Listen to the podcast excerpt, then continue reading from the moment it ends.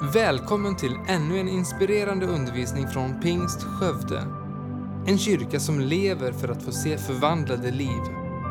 Vi hoppas att Guds ord ska tala in i ditt liv och hjälpa dig vidare i livet med Jesus. Vill du veta mer om vår kyrka eller komma i kontakt med oss så besök gärna vår hemsida. www.skövdepingst.se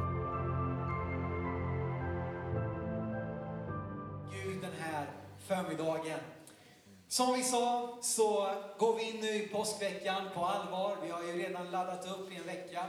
Eh, men nu liksom startar det på riktigt här nu. Och vi har ju en fantastisk påskhelg att se fram emot. Med de här samlingarna, både skärtorsdagen, jag ska säga det också att där kommer det också finnas tillfälle att fira nattvard i kapellet klockan 19. Underbar lovsångskväll här på, på fredag och sen så den här höjdpunkten då på söndag. Så att eh, låt oss vara med nu. Låt oss ta det här tillfället, vet du, att det får höras, det får märkas. Att nu är det påsk, vet du. Då åker inte alla kristna ut till sina olika platser, utan då är det fart i kyrkan. Och då presenterar vi glädjens budskap som aldrig förr. Oj, oj, oj, jag är... s- Okej. Ta ett djupt andetag. Så vi liksom... Kommer vi vara genom taket här innan det är slut här idag. Men det är härligt. Ja, absolut. Nu kör vi. Vet du vad? Nu går vi in i påsken och på nytt här nu så ställs vi inför det faktum att vi får ta ställning till korset. Vi utmanas av korset. Korsets budskap lämnar ingen människa oberörd. Och vi utmanas att ta ställning till det, ta emot det eller förneka det. Faktiskt, så pass svartvitt är det. Men vi är här för att få ge möjligheten att faktiskt ta emot detta underbara budskap. Och påsken är ju så speciell, det är så laddat och så eh, verkligen kärnan, det är vår absoluta högtid och det är ju Bibelns absoluta centrala budskap som presenteras under påsken på ett speciellt sätt, även om vi naturligtvis lever i påsken hela året. Korset är inte bara något vi lyfter fram några veckor runt påsk, utan det är någonting vi står i hela tiden. Och detta enorma, den här tiden, påskens budskap, då Messias profetiorna faller in en efter en. Vet du vad? Hela Bibeln bygger ju upp emot detta. Att Jesus dog på korset, men inte nog med det, han uppstod på tredje dagen. Jesus själv uppfyller över hundra gammaltestamentliga profetier. Och det kan man säga, men han hade väl läst det, så han gjorde väl det eh, liksom med vilje. Och självklart hade han läst det, men du vet, det är inte så lätt att påverka om någon ska sticka ett spjut i sidan på dig, eller att du ska bli upphängd på ett kors, eller en rad andra saker som Jesus uppfyllde. Inte minst är denna dagen, just den här söndagen som ju liksom traditionellt brukar beskrivas som palmsöndagen, ett verkligt tillfälle då Messias profetierna faller in. Messias-profetierna i Gamla Testamentet kan ju i huvudsak, eller lite förenklat, fördelas i två huvudkategorier. Dels de som talar om Messias som lejonet, lejonet av Juda, alltså som är kungen. Vi läste här om ärans konung. Och Messias är ju en kung, han är en konung. Och det finns fullt av profetior i Gamla Testamentet som beskriver honom just som lejonet, konungen, som kommer för att med triumf återupprätta Gudsriket. Men sen finns det också en rad profetior om Messias som beskriver honom som lammet. Eh, och det här har ju förbryllat eh, inte minst många judiska rabbiner genom alla, alla, alla tider. Liksom. Hur får man ihop den här bilden? Hur kan Messias vara både lejon och lamm samtidigt? Och lammet handlar ju om offerlammet. Det som tog, det som blev ett ställföreträdande offer varje påskhögtid, att man offrade lammet. Istället för att vi skulle då få ta straffet så fick lammet ta straffet. Eh, och så kommer då Jesus som det fullkomliga offerlammet att en gång för alla offras på korset. Så att det aldrig mer behövdes göras ett påskoffer. Utan Jesus var det fullkomliga offerlammet. Men hur får man ihop de här två bilderna? Ja, vi då som tror att Jesus är Messias och att Bibeln är, handlar just om Messias. Vet jag att förra gången när han gick här för 2000 år sedan kom han i huvudsak som lammet, inte enbart som det. för Man kan inte skilja isär det. Han är alltid både och. Va? Både offerlammet men också lejonet, kungen. Men vi tror också att han kommer tillbaka en dag. Och då ska han komma i huvudsak som lejonet av Juda. Han ska komma för att segra, han ska komma för att återupprätta Guds rike, för att hämta hem de som tror på honom. Eh, och så får vi uppleva detta.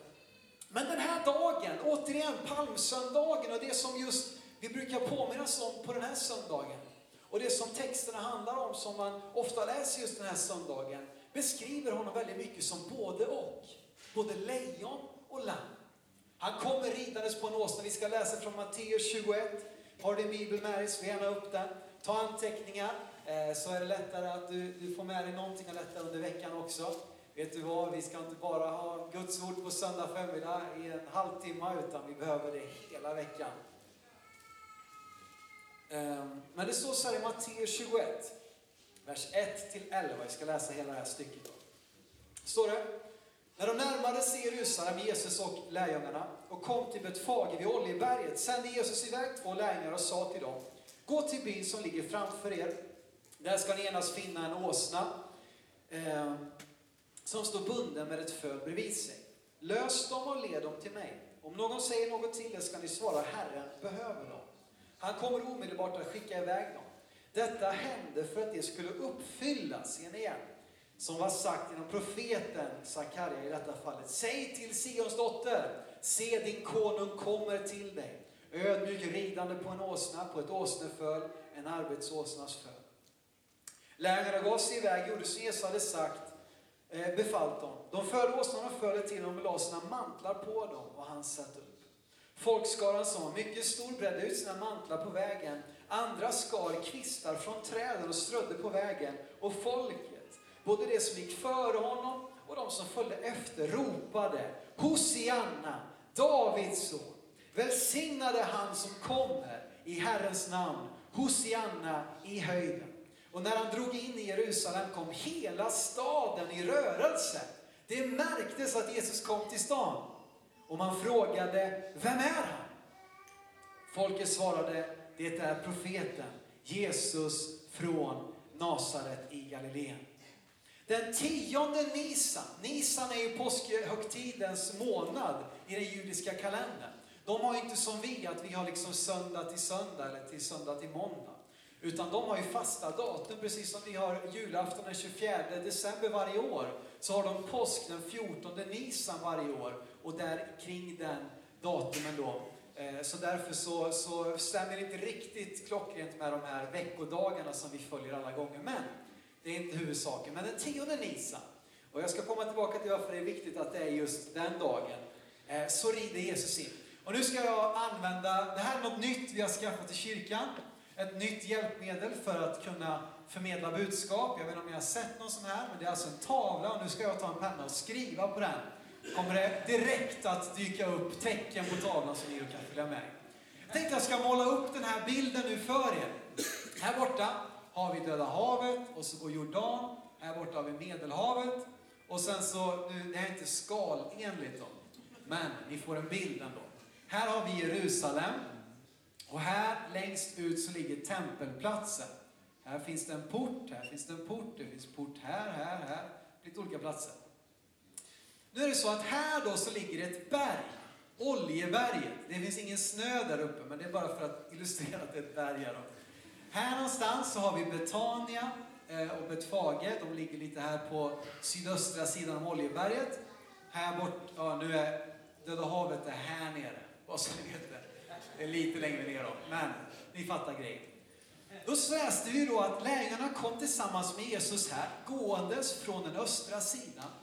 När de närmade sig Betania och Betfage, som ju var byar som låg där, så hämtade de där åsnan. Och de sista tre kilometerna ungefär, så rider Jesus på åsnan upp på Oljeberget, och sen så ner för Oljeberget, här ligger Kidrondalen, eller Kidronsdal, eller hur man uttalar det. Här någonstans på bergsluttningen så ligger ett Semane trädgård. Eh, och sen så då så tågar Jesus in här, rakt in i Jerusalem, in på tempelplatsen. Ser ni det framför er? Va? Ja, Det är mycket nåd här nu, den här predikan känner jag, demonstrationen. Men bara för att måla upp känslan lite grann om vad det är som händer. Ni som har varit i Jerusalem ser detta framför er, men Jesus kommer här nu och rider in i Jerusalem. Här är en bild ifrån just Oljeberget som jag fick förmånen att ta. Det är en speciell känsla att stå där uppe och så titta in. Och varför är det här viktigt? Jo, jag ska försöka förklara lite grann för er varför de olika sakerna är viktiga. Oljeberget då, som ligger öster om Jerusalem, det är en väldigt viktig plats. Ett väldigt viktigt berg. Eh, därför att där finns det tydliga profetior om att när Messias kommer, i Sakarja 14 står just detta, att Messias ska komma, han ska sätta sina fötter på Oljeberget för att gå in i Jerusalem. Så när Jesus nu kommer, varför kommer han inte från väster? Varför kommer han inte från Betlehem? Eller varför kommer han inte från, från liksom Galileen? Nej, han kommer från Oljeberget. Därför att det är därifrån Messias ska sätta sina fötter för att tåga in i Jerusalem. Och därför då, när människorna ser detta, och dessutom så är det ju så, varför rider han på ett föl? Varför är det en åsna han kommer på? Jo, det sänder tydliga signaler om detta. Men jag ska komma tillbaka till åsnan lite grann. Men det som är intressant med detta med Oljeberget, att står man här då, som vi ser på bilden, det ser inte så tydligt på bilden, men tittar man då rakt ner från Oljeberg så ser man rakt upp på tempelplatsen. Och rakt fram finns det en port som heter Gyllene porten. Lite längre upp finns Stefanusporten eller Lejonporten. Men står man där uppe och tittar rakt ner så ser man Gyllene porten. Och den porten idag är igenmurad. Därför att den här tron att Messias ska komma tillbaka till Oljeberget, den delas av kristna, judar och till och med muslimer. Därför att muslimerna då som har kontrollerat det här tempelberget eh, och, och gör det, eh, de har ju alltså murat igen den gyllene porten. Och dessutom så har de anlagt en muslimsk gravplats framför porten. Därför att för en jude är det oren mark att gå på en muslimsk gravplats. Så de säger helt enkelt att om Messias någon gång kommer och sätter sina fötter på Oljeberget så ska porten vara stängd och framför den så ska det vara oren mark. Men vet du vad? När ärans konung kommer tillbaka, då kan inte en stängd port hindra honom, inte en muslimsk gravplats, ingenting annat därför att han kommer komma tillbaka och han kommer tåga in, rakt in på tempelplatsen och där så kommer vi att få se konungen komma. Och ni ser vilken tydlig bild då detta är av det som skulle komma. Att han redan den här gången, några dagar före den påsken då han gav sitt liv för oss, kommer via Oljeberget. Inte nog med det, utan vi kommer lite längre. Vi ska läsa det som Linda läste på, på början här i psalm 24. När vi ser just detta stora om att portarna, de ska höja sina huvuden och, och liksom nu ska vi göra plats, för här kommer ärans konung. Och det är min rubrik den här predikan. Ärans konung. Psalm 24, 7-10. Höj ni portar era huvuden. Höj er ni eviga dörrar så att ärans konung kan tåga in. Vem är denne ärans konung? Det är Herren, stark och väldig. Herren, väldig i strid. Höj ni portar era huvuden. Höj er ni eviga dörrar så att ärans konung kan tåga in. Vem är denne ärans konung? Kommer du ihåg de frågade, vem är det? Folket, när Jesus kom in och det blev en uppståndelse, och frågade, vem är det? Det är Herren Sebaot. Han är ärans konung, Sela. Sela är för övrigt ett, ett uttryck som används i många psalmer. Jag vet inte vad, riktigt vad det betyder, men det är på något sätt bara en härlig punkt. Sela. Stanna upp, begrunda, tänk på detta. Han är ärans konung. Herren Sebaot, väldig i makt. Ärans konung rider in. Jesus rider in som en konung, som lejonet. Han gör det också som offerlammet, därför att han rider in dit för att där ska han offras och ge sitt liv. Men han rider också in som en konung. Och då tänker vi ju ibland på detta att, att det då är så här, man rider på en konung därför att det var liksom ett, ett, ett dåligt djur, eller det är liksom en åsna. Vad sa jag? Han rider på en konung. Han är en konung, men han rider på en åsna. Och då tänker jag, men åsnan den är väl någon slags eh, låg, liksom ett, ett dåligt djur som han rider in på. Och visst, det var ett arbetsdjur, men det var, inget, det var ett, ett djur som användes av kungar och upphöjda, upphöjda män eh, som red på.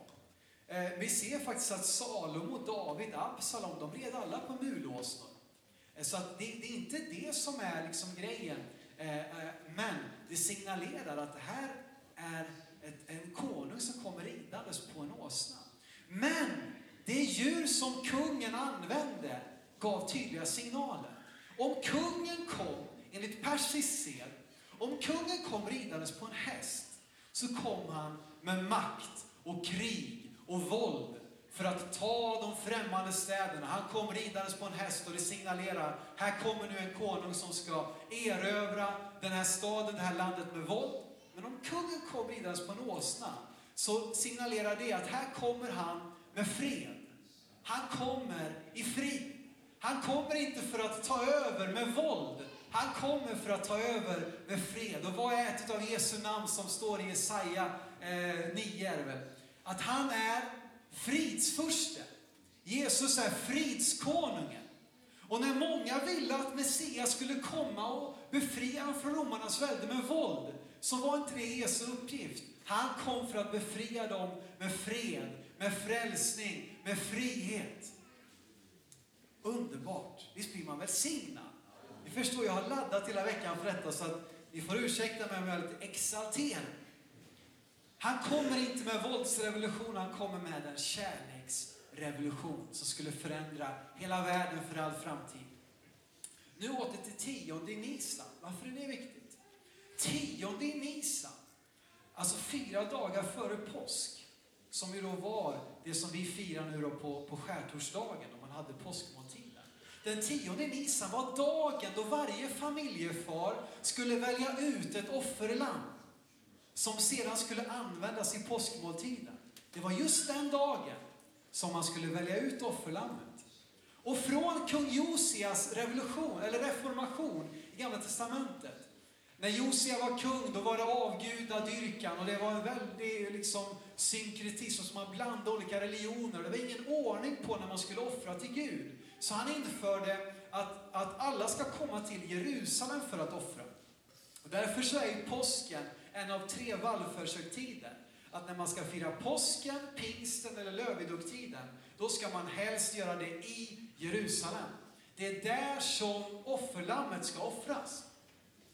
Så här nu, den här dagen, så kan man se att från hela Israels land så kom det tusentals människor från alla håll, förandes med sig ett offerlamm som de skulle använda, föra fram på tempelplatsen där det skulle synas av prästerna och prövas om det var värdigt att offras som ett offerland. De fick inte ha några fel, inga lyter, eh, för att sedan då kunna användas i påskmåltiden. Samma dag rider Jesus in på en åsna, som konung men också som lammet, för att föras in i Jerusalem, för att där offras på, eh, på ett kors. Ser ni vad starkt detta är? Sakarias över 500 år gamla profetia går i uppfyllelse. Sakarja 9.9. Och det är det som Matteus och, och hänvisar till när han sa detta, som profeten har sagt. Sakarja 9.9. Över 500 år tidigare så skriver profeten så här.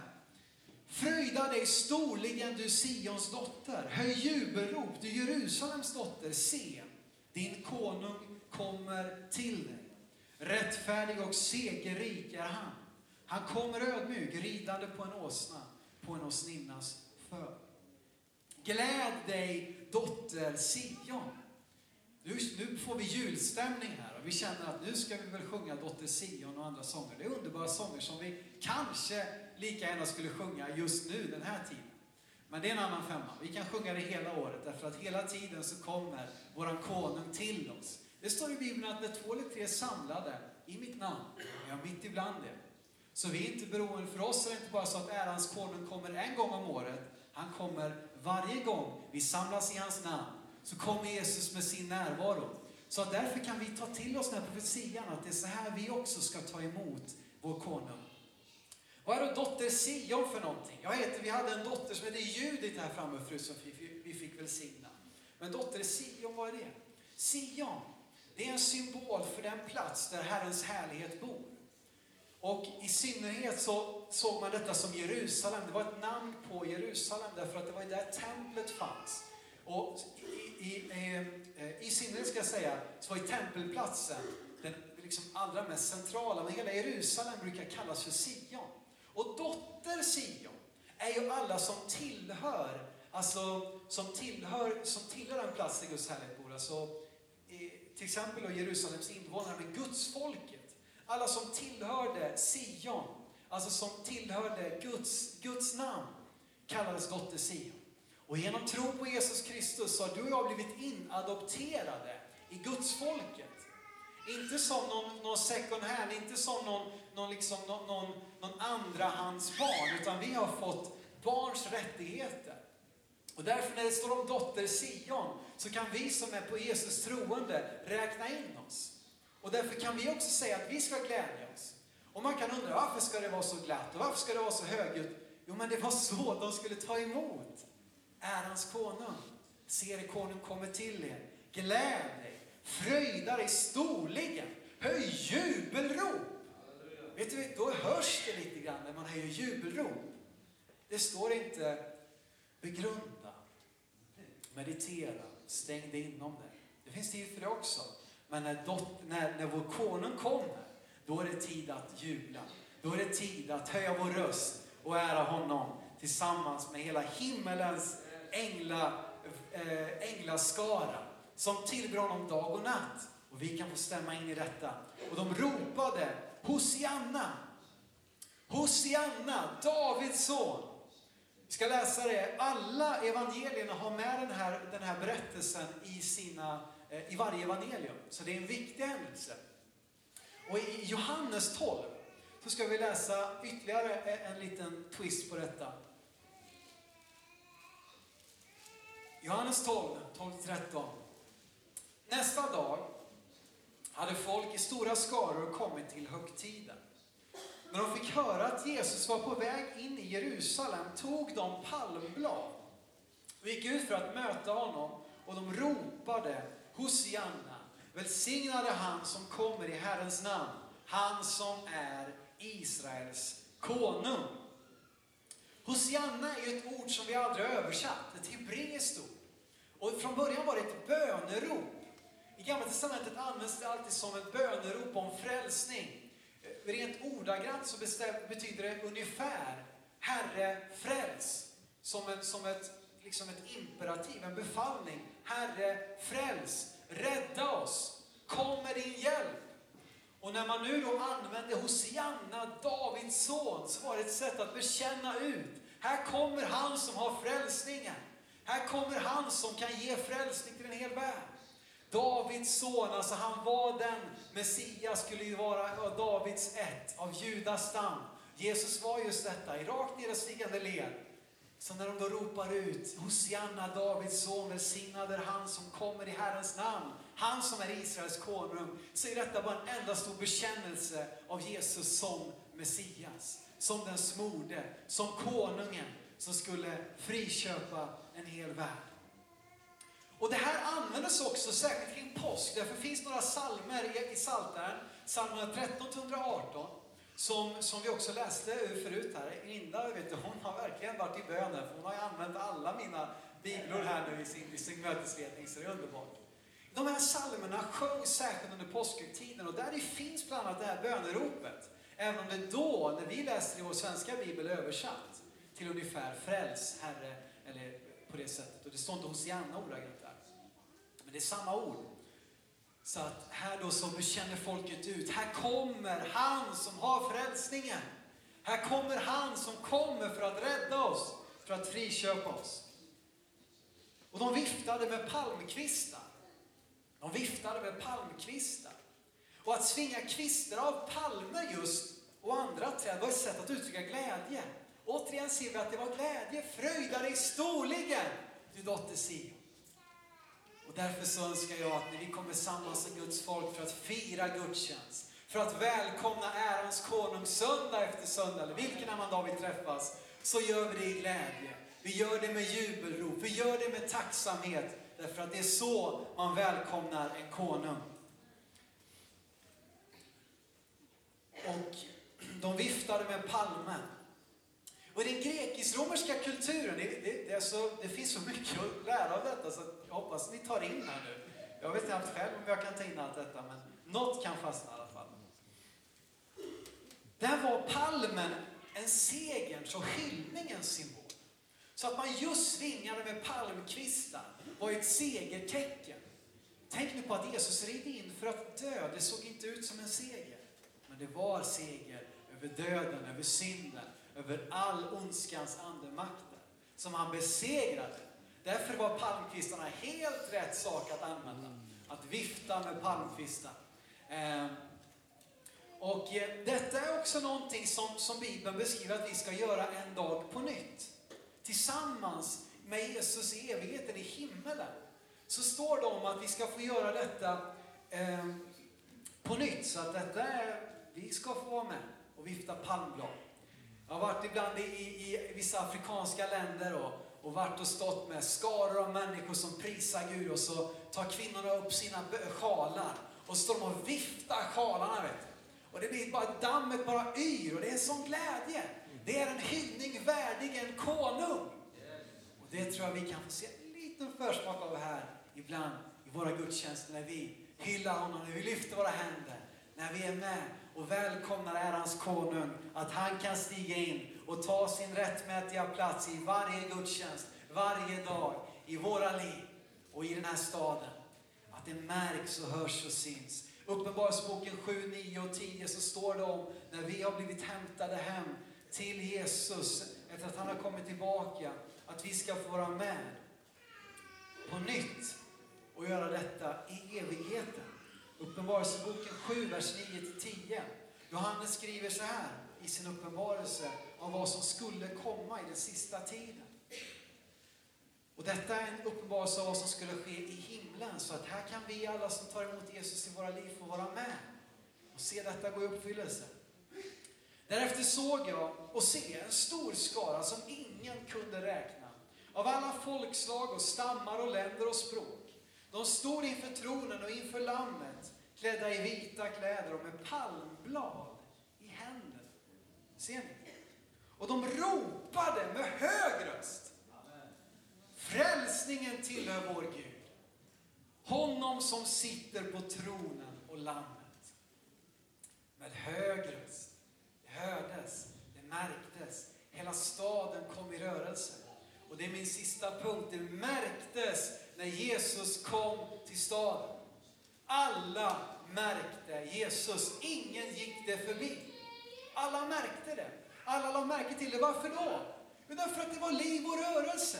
Det var något som hördes. Du vet, Jesus hade kunnat gå in genom en bakdörr. Hans följe hade kunnat gått efter honom som, liksom, som, som ett lamm som förs för att slaktas. Du vet, vi kan ha det, det är också en, en bild av Jesus och profetier, men just här när han kommer som konung och riddares på en åsna, då jublar de. De fröjdas. De ropar ut i tacksamhet. Hosianna, Davids son, välsignad är han som kommer i Herrens namn.